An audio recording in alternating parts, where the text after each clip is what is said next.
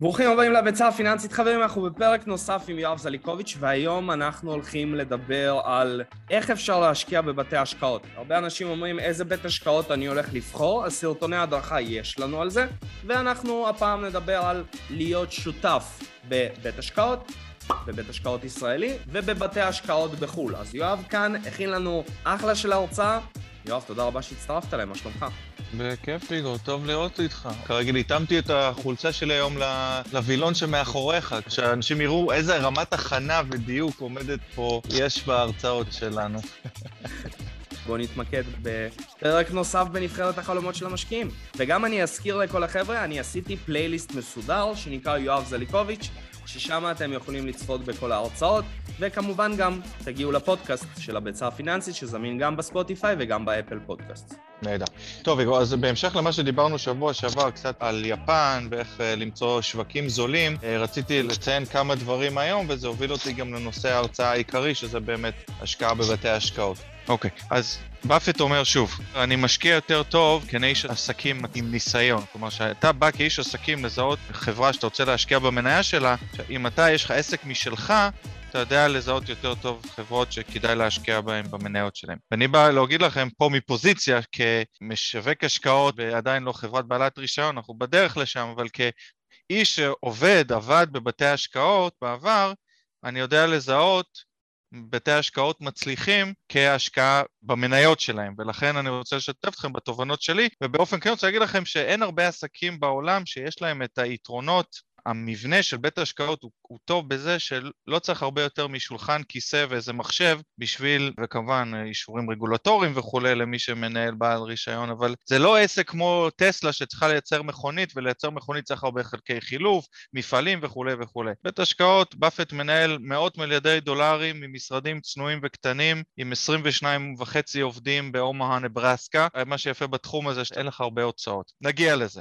מה שקודם כל רציתי לספר לכם שהשקעה על פי נתוני מקרו, קרי אה, להגיד משפט כמו המדינה הזאת היא הכי מתפתחת וצומחת ולכן נשקיע בה, בהשקעות זה לא מספיק טוב ולא תמיד שיקולי מקרו יש להם קורלציה גבוהה להשקעות מוצלחות ולמה אני מציין את זה? כי הרבה אנשים מחפשים, גם במניות, אמרנו בעבר איגור, המניות עם הצמיחה הכי גבוהה ברווחים שלהם הן לאורך זמן דווקא ההשקעות הכי גרועות, כי לרוב זה כבר מתומחר. ושיקולי מקרו באופן כללי, אני לא חסיד גדול שלהם, יש בדיחה מוכרת שנראה לי אמרתי כבר שאם הקדשת יותר מ-13 דקות בשנה לשיקולי מקרו כמשקיע, בזבזת 13 דקות מתוך חייך. כי שיקולי מקרו זה המון המון ניואנסים, גם אם אתה אומר, גם על תעשייה כזו או אחרת, גם על מדינה כזו או אחרת, אני כמשקיע די מתרחק מהשיקולים האלה. עם זאת, אני כמו כל דבר מסייג, יש לא מעט משקיעים שהצליחו לאורך זמן, כמו סורוס הגדול, להשקיע על סמך שיקולי מקרו ולתזמן כיוונים של מטבעות וכולי. יש ספר נהדר שנקרא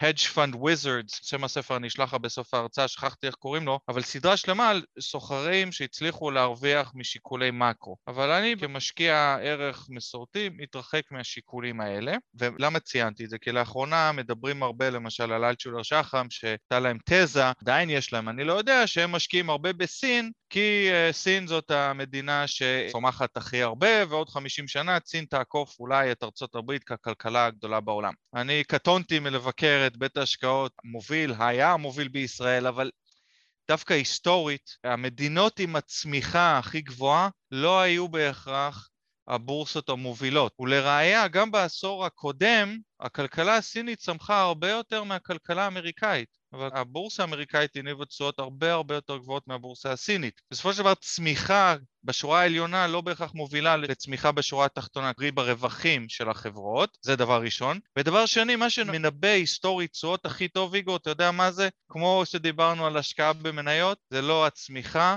זה המכפילים. כשאתה רוצה לבחון השקעה במדינה, המדד שצריך להוביל אותך לדעתי כמשקיע, זה לא הצמיחה הצפויה, כי זה כבר מתומחר. זה המחירים כיום. כמו שדיברנו על יפן שבוע שעבר, אתה זוכר, בשנות ה-80 דיברו על יפן, על המדינה שתשנה את העולם והיא תצמח ותמשיך להביא לתשואות עודפות, אבל מי שהשקיע בבורסה היפנית משנת 1990 עד היום רואה תשואה בערך של אפס. החברות היפניות צמחו, אבל הבורסה לא עלתה, מדוע? כי ה-cape ratio, המדד של המכפיל, כמו המכפיל רווח, רק עושים את זה, דיברנו על זה מאובן לעשר שנים, של יפן דאז היה כל כך גבוה שלקח לו 30 שנה עד היום להגיע לקייפ נורמלי. וזה גם החשש של היום למשל מהבורסה האמריקאית שהיא חברה בהחלט, הצמיחה האמריקאית יפה, אבל ה CAPE, מדד המכפיל רווח של החברות בארצות הברית היום ה CAPE הוא מאוד מאוד גבוה היסטורית ולכן אם צריך להסתכל קדימה כנראה שהבורסה האמריקאית לא תצליח להניב את התשואות הגבוהות שהניבה בעשור האחרון. ומב פאבר, אני אשלח לכם על זה מחקר, יש לו גם קרן מחקה שעושה השקעות דווקא הולכת למדינות שבהן ה CAPE הוא הכי נמוך והיסטורית השקעה בסגנון כזה הייתה מניבת תשואה עודפת. קרי ללכת איפה שיש דם על הרצפה. אה, דוגמה נוספת, אפשר לתת שתי דוגמאות. בברזיל, לפני שלוש-ארבע שנים הייתה שם תקופה מאוד קשה שהייתה שחיתות שלטונית גבוהה והכלכלה שם הייתה בנסיגה. אבל הבורסה הברזילאית באותה שנה הניבה תשואה מאוד מאוד גבוהה, כמעט של 60 אחוז לדעתי, באותה שנה חרף הבעיות, כי כשיש בעיות כולם בורחים, ודווקא אז יכול להיות שיש ערך בחברות, אפשר למצוא הזדמנויות השקעה. כנ"ל בבורסה הרוסית, לפני שנה לדעתי, לדעתי הבורסה ברוסיה הייתה אחת מהבורסות שהניבו את התשואה הכי גבוהה, אי אפשר להגיד מילים טובות על החברות ברוסיה, המשטר השלטוני וכולי וכולי, אבל המחירים שם היו כה מגוחכים, הקייפ של רוסיה היה חד ספרתי נמוך, ולכן הבורסה שם עלתה בעקבות זאת, כי מה שקובע בסופו של דבר זה לא רק צמיחה, זה צמיחה מול ציפיות, וכשהציפיות גבוהות מאוד, תראו מה קרה ביפן, תראו מה קורה עכשיו בסין, שדווקא עכשיו הקייפ שלה די נמוך בגלל הירידות האחרונות. אז באופן כללי אני מתרחק משיקולים כאלה, אבל אם כבר צריך לשקול שיקולי מאקרו זה ללכת איפה שיש חברות זולות, ולא איפה שהצמיחה הצפויה היא, זאת דעתי לפחות. אתה, אני מניח, אה, מסכים איתי באופן חלקי, איגור, כרגיל, וזה נהדר במדינה דמוקרטית. אני מסכים איתך, כי בסופו של דבר, כמו שאנחנו הולכים ובודקים חברות שונות, ואנחנו כן מסתכלים על המכפילים, ואנחנו המטרה שלנו זה להתמקד בסופו של דבר על זה שהחברה הזאת תצמח מתקופה לתקופה, וכמו שיואב אמר, גיידנס זה אחד מהדברים שהכי מעניינים כשחברה מפרסמת את הדוחות הכספיים שלה, כמו שאתם יכולים לראות עכשיו בתקופה האחרונה, כל הקרנות של ארק וכל החברות צמיחה עם המכפילים הגבוהים שהן מדווחות נתונים שאולי יותר טובים ממה שהאנליסטים ציפו, אבל הציפיות העתידיות שלהם נמוכות יותר כי הן לא יכולות לצמוח באותו קצב כמו שהם גדלו, ואז אתם רואים תיקונים בשבוע שבוע של 20-30 אחוז למטה, ומי שהיה חשוף בצורה כזאתי, בצורה ממש קיצונית, נגיד מי שהיה חשוף בצורה ממש גדולה מהכסף שיש לו בתיק, אז הוא חטף ולפעמים, וגם אני לא אגיד לא לפעמים, תמיד אנחנו צריכים לפזר את הסיכונים שלנו. אם אתם כן מחליטים ללכת על ציפיות כאלה, המטרה היא לא לחכות ולהגיד הלוואי שהחברה הזאת תצמח כל כך ואני ארוויח את הכסף שלי, אלא באמת לעשות את השיקול על סמך איזה שהם קריטריונים שאתם משתמשים בהם ועל סמך קריטריונים שתכלס יעזרו לכם ולא על אמונה. אמת, בדיוק. ולכן, אני אומר את זה, הדוגמה של קסי ווד וארק זה כל כך, בדיוק דוגמה מובהקת. התזה שלה היא להשקיע בתעשיות משנות פני עתיד, היא מעניינת כשלעצמה, אבל היא די מטופשת, כי זה לא מספיק טוב בהשקעות. אתה צריך לראות שקסי משקיעה בטסלה ואומרת שטסלה זה העתיד, זה נהדר, אבל איפה התמחורים? הטסלה מתומחרת היום כאילו שכל אוטו שני בעולם יהיה טסלה, וגם טסלה מתישהו תעבור לרווח כלכלי אמיתי גבוה שלא כרגע, כל עניין של ציפיות. כבר נדבר על צ'ארלי מנגר, על משפט אחר שלו, אבל פה אפשר להגיד עוד משהו שהוא דוגמה שהוא נותן. כשאתה משקיע בשוק ההון, השתמשנו בדוגמה של winner פה, נגיד שצ'ארלי אומר, תחשבו על זה, שכחתי את הביטוי שהוא משתמש, את המשתתפים הולכים להמר במרוץ סוסים. איגור, אני לא יודע אם אי פעם היית, גם אני לא הייתי, אבל יש בסרטים, תמיד יש כזה, רואים בארצות הברית שאנשים הולכים אה, להמר על מרוצי סוסים, נכון? ותמיד יש את הסוס שהוא ה favorite, נכון? עכשיו, אם אתה תשים כסף על ה favorite, הסוס עם ההיסטוריה הטובה והכי בריא והכי מהיר, תשים עליו כסף, כנראה שגם אם הוא יזכה, אתה לא תרוויח הרבה, יכול להיות שאפילו תפסיד אם תהיה הפתעה לרעה. כנ"ל בשוק ההון. אה, רגע, שנייה, ואם תהמר על הסוס שהוא האנדרדוג, שעבר איזושהי פציעה, אבל פתאום הוא יפתיע לטובה, ותשים עליו כסף, פה יש לך upside הרבה יותר גבוה. גם בשוק ההון צריך לחשוב על זה ככה, זה לא מספיק טוב להמר על הסוס המנצח עד כה, כי הסיכויים כבר מתומחרים לטובתו. צריך ללכת על האנדרדוג, ובאופן מושכל לקוות שהוא יפתיע לטובה. ללכת על ה favorite זה לא מספיק טוב ולרוב תפסיד כסף בהימור כזה. כך גם בשוק ההון. כמובן שיש יוצא מן הכלל, למשל אפשר להגיד שאמזון מוכיחה שפני שהיית יכול להמר עליה, זה אין כלל אחד נכון, אבל סטטיסטית לשים כסף על הכלכלה הצומחת ביותר או על המניה היפה ביותר, זאת אסטרטגיה שלרוב לא תניב תשואה עודפת למשקיע, אלא הפוך. אה, אמרנו צ'ארלי מנגר ברשותך, הנה, מתן בדיוק נכנס, זה הצ'רלי מנגר של ימינו במדינת ישראל. אז צ'רלי אומר משפט יפה שנראה לי דיברנו עליו, תמיד תעשה inversion, invert.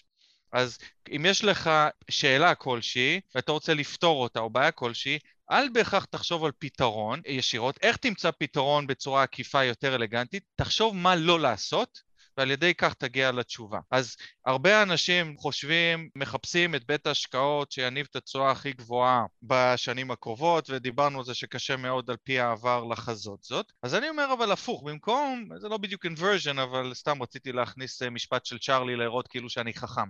אבל מה שאני אומר בפשטות, במקום לנסות לחזות מי יהיה הבית השקעות המוביל, למה שלא נהיה שותפים של הבתי ההשקעות המובילים בישראל בעולם. במקום לשלם לקקות האלה, סליחה על המרכאות, גם אני בצד של הקקות, במקום לשלם להם, בואו נהיה שותף שלהם. עכשיו, לא כל הבתי ההשקעות הן חברות ציבוריות, אבל דווקא אלה בישראל, חלקן כן, ואני רוצה לעבור איתכם על מספרים של כמה בתי השקעות, ולתת לכם כמה דוגמאות של בתי השקעות שנסחרות בבורסה, וכל אחד יעשה את שיקוליו הוא, אבל להראות לכם שאם אתם נגיד מאמינים שמור בית השקעות, שכבר נסתכל על הנתונים שלהם, זה הבית השקעות הצומח והטוב בישראל כיום כנראה. יכול להיות שכן, יכול להיות שאין לי מושג, אני דווקא קצת מכיר אותם ומעריך את חלק מהפעילות שלהם, אבל אני אומר במקום, ואני מקווה שהם לא יכעסו עליי שאני אומר את זה, אבל אני אומר לאנשים, במקום לשלם להם דמי ניהול, אולי פשוט שווה לקנות את המניה שלהם בבורסה, אם היא מתומחרת בצורה שפויה, שברשותך איגור נסתכל עכשיו, אני מעלה את המסך שלי, הכנתי מראש בביז פורטל את המניה שלהם. השווי שוק של, בואו נסתכל גם מבט כללי, מניית מור השקעות, אנחנו מסתכלים למי שלא מול המחשב, אנחנו רואים החברה נהייתה ציבורית לא מזמן, לדעתי לפני שנתיים, שלוש, אולי קצת יותר, מאז המניה פתחה בשער של הדעה זה היה 353 בערך, היום המניה נסחרת ב-1221 אגורות, בערך פי ארבע על הכסף, שזה מאוד מאוד יפה כמובן. שווי שוק היום של מור 850 מיליון שקל, חברה מצוינת, מנוהלת ביד רמה, יש להם היסטוריה גם כחברה פרטית, זה לא איזושהי חברת ביומד שאנחנו מהמרים פה על ההצלחה שלהם, תשואת דיבידנד של 3.5 אחוז, מכפיל רווח לא נמוך של 58 על סמך הרווחים של השנה האחרונה, כלומר מור בית השקעות זה לא סוד בשוק ההון שהם חברה טובה ולכן הם מתומחרים בהתאם. בואו נסתכל על ה... נכנסתי לדוחות, לא עצמן, נחסוך לכם כרגע, אבל מי שרוצה להתעמק עדיף להיכנס לאתר הבורסה, להיכנס לדוחות שלהם. פה בביספורטל יש לנו סיכום של הדוחות רווח והפסד שלהם. אנחנו רואים שבחמש שנים האחרונות ההכנסות שלהם גדלו בערך פי שלוש, הרווח הגולמי גדל בהתאם, הרווח הנקי של כל החברה גדל אה, בערך פי שתיים, אז אנחנו רואים צמיחה בהכנסות שהיא יותר גבוהה מהצמיחה ברווחים, שזה דווקא פחות טוב, כי אני רוצה לראות לפחות שזה עולה בהתאם, או הרווח הנקי עולה יותר מההכנסות. והכי מדאיג אותי פה, למשל, שאני רואה, הרווח הנקי למניה בקושי זז, כלומר הרווח הנקי לכל החברה גדל פי שתיים, שלוש אמרנו, פי שתיים כמעט, אבל הרווח למניה כמעט לא זז, שזה, אמנם אם נסתכל רק על 2020, שהייתה שנה קשה, אם נסתכל על 2019 כן רואים גדילה, בואו נסתכל רבעוני, נקבל אולי אינדיקציה יותר טובה. טוב, יש שנת קורונה, אנחנו רואים שגם פה ברבעוני, הייתי רוצה לראות מה היה הרווח הרבעוני שלהם גם בשנים הקודמות, לעשות איזושהי שביעה, אבל מה שקורה כנראה שהחברה, בלי להיכנס לעומק, כנראה הנפיקו עוד מניות, ולכן הרווח למניה נשאר בעינו, למרות שאני מניח שאם נס... בוא נסתכל על הדוח הרבעוני של השנה האחרון, כן, אם הם ימשיכו בקצב הזה, אז כן, תהיה גדילה בשנתי. אם אני מסתכל על הרווח למניה על 2021, רבעון ראשון, אם הם ימשיכו כך, ונניח אפילו גדילה מסוימת, אז הרווח הנקי כן יהיה פי שתיים השנה יותר גדול ממה שהוא היה בעבר. אז יש פה גדילה מסוימת, אם לא, כנראה שפשוט מספר המניות שהנפיקו לציבור גדל, אפשר להסתכל על זה, נעשה את זה לכם לשיעורי בית, נכניס את, זה, את הדוח הכספי להערות. אבל אם אני רואה רווח נקי שגדל ורווח נקי למניה שלא גדל, הפתרון המתבקש זה שהם הנפיקו פשוט עוד מניות. תשואה על ההון שזה בעצם מה שהכי מעניין אותי שאני משקיע בחברה קונה ולא נוגע, אנחנו רואים תשואה על ההון דו-ספרתית יפה. כלומר זה היתרון, מה שאמרתי לכם בתחילת הפרק, איגור, מה שיפה בבתי השקעות, שאם יש לי למשל, אם נסתכל על התשואה על ההון של טסלה, אנחנו נראה, או של כל מייצר חברת רכב או תעופה, אנחנו רואים שתשואה על ההון היא לא גבוהה, כי בשביל לייצר רווח הם צריכים להשקיע הרבה הון עצמי.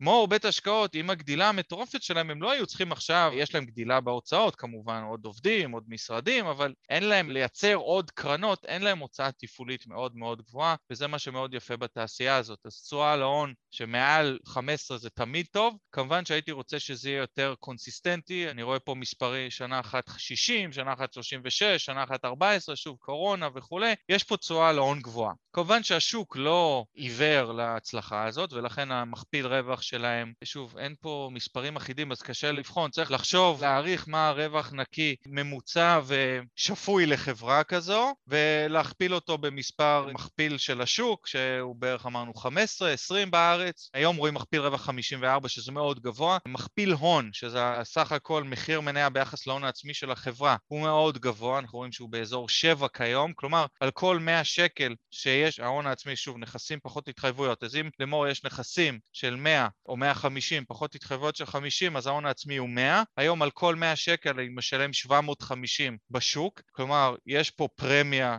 לא קטנה, ולכן אני רואה מספרים כאלה, אני אישית מתרחק, אלא אם כן זאת חברה יוצאת דופן. מוריך, בהחלט חברת יוצאת דופן, אבל גם עבורה קצת גבוה עבורי. גם הייתי רוצה לראות רווח נקי שעולה באופן הדרגתי, יפה, קונסיסטנטי, כמו שאני אראה לכם בחברות בחו"ל, ולא קפיצות שמשתוללות. שוב, אני מאוד פיקי, אני יותר אומר לא מאשר כן, שאני משקיע בחברה, אבל זה הפריבילגיה של המשקיע, כמו שבאפט אומר, ה-too hard pile, או יותר, החברות שהוא לא משקיע בהן, אומר להם לא, הוא יותר גבוה מאלה שהוא אומר להם כן. בואו נראה כמה חברות שאני כן אומר להם כן, כמובן לא המלצה, לא שום דבר. אפשר לחשוב על המנהלי ההשקעות הטובים בעולם. הטוב שבהם, דיברנו עליו הרגע, אפשר לדבר על אה, וורן באפט שוב, למרות שאנחנו חופרים עליו כל הזמן, אבל כן אפשר לראות, אם נסתכל על המספרים של ברקשייר, לדוגמה, סתם ביאהו פייננס, לפני שנתקדם לחברה שאני כן רוצה לדבר עליה, טוב, שווי שוק של באפט הוא אה, אסטרונומי, 650 מיליארד דולר, אבל אם נתמצת רגע את המספרים הפיננסיים ונשווה את זה למור, אם נלך למניה של ה-A, פה נראה את המספרים. אז המכפיל הון עצמי של ברקשייר הוא 1.4, כלומר על כל 100 שקל שיש לו בנכסים אני משלם 140. שבמור זה היה פי שבע יותר, אמנם מור אולי צומחת קצת יותר גבוה, אבל עדיין מנהל השקעות הטוב בעולם נסחר ב discount מאוד עמוק לבית השקעות בישראל, טוב שככל שיהיה, זה קצת מוזר בעיניי. מכפיל רווח של ברקשייר הוא 7, לעומת 60-70 במור. שוב, עבור איכות משלמים, אין ספק, אבל כזה פער תשואה על ההון של באפט 24 מאוד גבוה, מצוין. נסתכל היסטורית על התזרים מזומנים של ברקשייר, נראה שהתזרים מזומנים שלו, אמנם יש פה ב-2000, בואו נסתכל על הרבעוני, רואים, טוב, הייתה גם פה שנת קורונה שהשפיעה, אבל אנחנו רואים די סטטוס קוו, באפט לא גדל יותר מדי. בואו נכניס את זה רגע בקוויק אפס, פה אני רואה את זה יותר טוב. בואו נראה כמה בעשור האחרון הוא הגדיל את התזרים מזומנים שלו בברקשייר. אנחנו רואים פה לא נראה סליחה, ניכנס ל free cash flow. קודם כל אנחנו רואים את הבייבקים שלו, שבניגוד למור לדעתי הוא לא מנפיק, הוא אפילו עושה בייבקים ומגדיל אותם לאחרונה. התזרים מזומנים מפעילות של ברקשייר גדל פי שתיים בעשור האחרון. כלומר, גם אי אפשר להגיד שבאפט, הברקשייר לא גדלה, היא ממשיכה לגדול. רציתי להביא לכם עוד שתי דוגמאות של חברות, זאת בעצם, כשאני חושב על השקעות בבתי השקעות או השקעה בנדל"ן, כאלטרנטיבה אני תמיד מביא את הדוגמה הזאת של חברת ברוקפילד אסט מנג'מנט מבחינתי היא נושאת הדגל חברת אה, ניהול נכסים, אחת מהחברות הטובות בעולם, track record ארוך של הצלחה, הם משקיעים בעיקר בפרויקטים, תשתיות, יש להם לדעתי גם סניף בישראל אגב, למה נזכרתי בהם? כי קראתי בעיתון, לא יודע אם מישהו קרא, על קרן פימי הישראלית. קרן פימי הישראלית זאת קרן אחת מהטובות בעולם בתחום של private equity, השקעות... אה, לא יודע איך אפילו אומרים private equity בעברית, שכחתי, אבל נגיד קרן פימי, אם אין לך מיליארדים, אתה לא יכול להשתתף בקרנות שלהם, הם פתאום עכשיו פתחו קרן חדשה, הם בעצם קונים חברות, בעיקר בישראל, חברות שנקלעו לקשיים, משתלטים על החברה, והרבה פעמים מחברות ציבוריות, אפשר לעקוב אחר, אני זוכר, שמעתי הרצאה של ישי דוידי, המנהל של קרנות פימי, שאמר שמי שקנה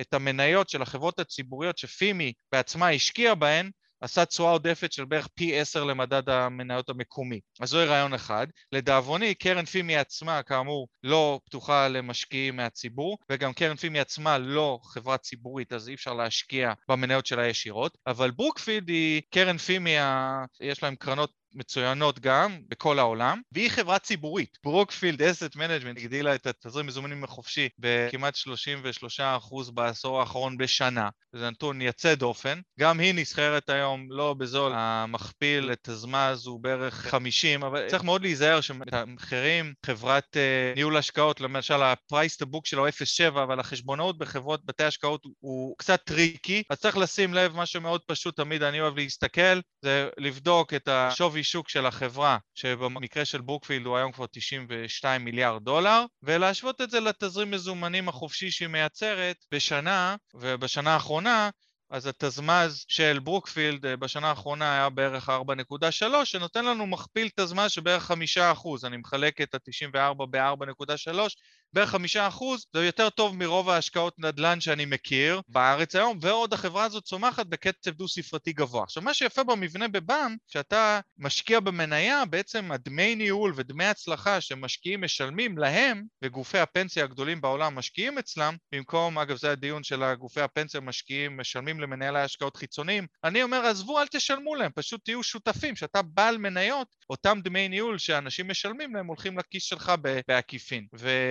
וזאת חברה עם היסטוריה מאוד ארוכה, עם צמיחה היסטורית של בערך 18% בשנה, חברה מנוהלת ביד רמה, המנכ"ל שלה, ברוס פלט, אחד מגאוני הדור, או מישהו וורן באפט של הנדל"ן, כשאתה משקיע בחברה הזאת אתה יודע שאתה בידיים מצוינות. עוד חברה שאני אביא לדוגמה כמנהל השקעות מצוין, שגם בה גילוי נאות בשתי החברות האלה אני משקיע, זה גוף שנקרא KKR, אולי מוכר לחלק מהמאזינים שלנו, הונפקו לא מזמן, לפני כמה שנים, לכן אין לנו יותר מדי היסטוריה, לא דווקא נראה אפילו מ-2011, אה, התשואה על ההון פה גם היא קצת טריקית, אבל מה שאם נסתכל שורה תחתונה על הגדילה של הנכסים שהם מנהלים, גדילה דו-ספרתית גבוהה, שווי שוק של 38 מיליארד דולר, לא חברה קטנה, אבל בכל זאת חברה מדהימה, עם תזמז היום שמשלמים 38 מיליארד, אה טוב התזמז שם אצלם זה קצת טריקי, אני רואה שהוא שלילי בגלל כל מיני עיוותים חשבוניים, מסתכל על ה-EPS של היום, משלמים בערך ש... כמה? 60 דולר למניה, מקבלים 3.3,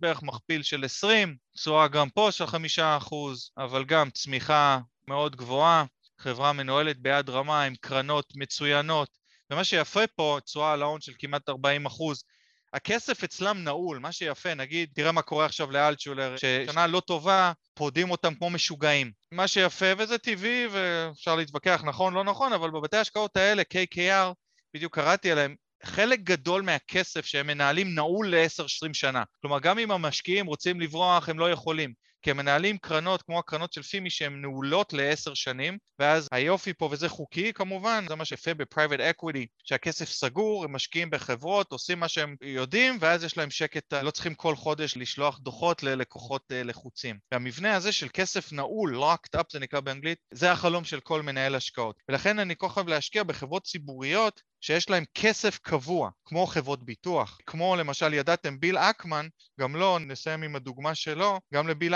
המשקיע האגדי, הוא גם סבל תקופה ארוכה מתשואת חסר, ואז הוא אמר, רגע, הסוד הגדול של באפט זה בעצם לקבל כסף נעול. אז הוא הקים חברה ציבורית שנסחרת לדעתי גם בארצות הברית, אבל רוב הכסף מושקע, החברה נסחרת באירופה, נקראת Pershing Square Holdings, למה אני לא מוצא דווקא, אני מוצא את ה SPAC שלו, יש לו SPAC שמונפק שזה נקרא PSTH, ה-Pershing Square Holdings נסחר ב Pink Sheets בארצות הברית, אבל באירופה באמסטרדם, ה ticker זה PSH או בלונדון נקודה AS או L, לדעתי פה הסחירות היא הכי גבוהה, Pershing Square Holdings, אתם רואים, שווי שוק 7 מיליארד, אז מה שאקמן עשה, הוא בעצם הקים חברה ציבורית שנסחרת, הוא הכניס לשם כסף מהציבור, ואז הוא אומר, רוב הכסף שמושקע פה זה מבנה מאוד מורכב, זה כסף של המשקיעים שלו, שורה תחתונה הוא קיבל כסף קבוע, כמו של באפט בברקשייר, שהוא, גם אם יש פדיונות בקרנות שלו, החברה הציבורית הזאת ממשיכה בשלה, ושהיא נסחרת ב discount הוא בא ועושה buyback ים, כמו שהוא עשה הרבה בשנה האחרונה, ובעצם מקבלים פה חשיפה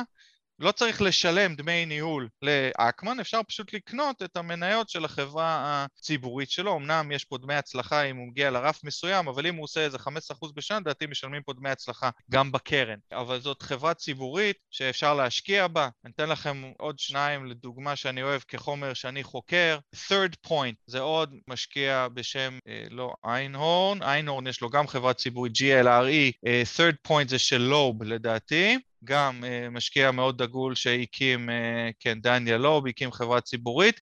ועוד אחת מאוד מעניינת, שיש להם גם סניף בישראל, שהיום נסחרים, סתם סיפור פיקנטי עליהם, הם השקיעו ב-GME אה, לפני שהיא הייתה מאוד מאוד זולה, וכמובן שהם לא צפו את הטירוף שקרה, אבל הם השקיעו ב-GME בכמה דולרים ונהנו מרצף העליות של החברה. סנבס קפיטל, לדעתי יש להם גם חברת בת בישראל שמנהלת נכסים. חברה ציבורית נסחרת בקנדה, שווי שוק מאוד קטן של מיליארד דולר כמעט. נסחרים בדיסקאונט עמוק להון העצמי שלהם, יש שם מבנה מאוד מורכב שקשה מאוד להבין אותו, אבל שורה תחתונה אלה חבר'ה, מנהלי השקעות מאוד מצליחים, משקיעי ערך, ובמקום לשלם לחבר'ה האלה, אני מעדיף להיות שותף שלהם באמצעות החברה הציבורית. אז זו, סתם, שוב, חובר למחשבה, חקירה עצמית, אה, רעיונות אני אוהב לתת, תהנו, תחקרו, תעשו את ההחלטות שלכם לבד. תזכרו, במקום לשלם, תמיד תנסו להיות שותפים של המשקיעים הגדולים. זה מה שמלווה אותי. נראה עם הזמן אם אני צודק או לא, איגו. מקווה שנתתי לכם מספיק חומר למחשבה. אני רוצה לציין לפני שאנחנו נסכם, אם שמתם לב, יואב קפץ מנתון לנתון ומחברה לחברה. המטרה היא לחקור חברות שונות ולקרוא כמה שיותר מידע על הנתונים האלה ולא להגיע למצב שאתם שמעתם ממישהו משהו, אמרתם אוקיי יאללה אני הולך לקנות. תחקרו, תקראו, תיכנסו לדוחות של החברה, תקראו את פירוט עסקי התאגיד ותראו מה מתנהל שם, מה היא מחזיקה, כי בסופו של דבר אם אתם מתנהלים כמו הרבה מאוד חברים שצופים בנו ולא רק מתמקדים על הסרטונים של יואב, גם משתמשים בניתוח טכני. כמו שאתם מכירים את יואב, יואב לא משתמש בניתוח טכני ולא מסתכל על הדברים האלה, אז זה שאתם מסתכלים על חברה כזאת שמחזיקה נכסים, ניתוח טכני לרוב לא יהיה רלוונטי לנו בכלל. אנחנו צריכים לראות מה החברה הזאת מחזיקה ואיך החברה הזאת מתנהלת. וזאת המטרה שלנו. אנחנו, כמובן בביצה הפיננסית, אני מנסה להביא לכם כמה שיותר ידע על כמה שיותר סוגים שונים, כדי שאתם במקום אחד תוכלו לקבל כמה שיותר דברים. אז אנחנו כאן, אנחנו פתוחים לשאלות, כל השאלות שיש לכם אנחנו זמינים, תכתבו לנו בתגובות, אהבתם את הסרטון, תשאירו לנו לייק, אתם רוצים שנדבר על דברים נוספים, תכתבו לנו בתגובות, ובגדול אתם גם יודעים איפה למצוא אותנו, כי אנחנו זמינים בכל רשת חברתית.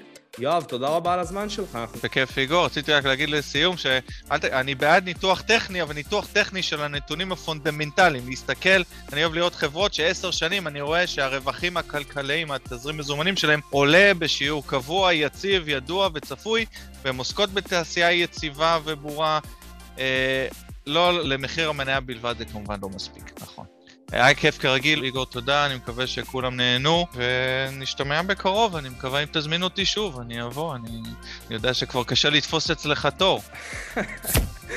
אנחנו ניפגש, ליואב תמיד יש לי זמן, כמובן, אנחנו ניפגש לפרקים נוספים, אנחנו זמינים בכל המקומות, תודה רבה על ההאזנה. תודה, איגור.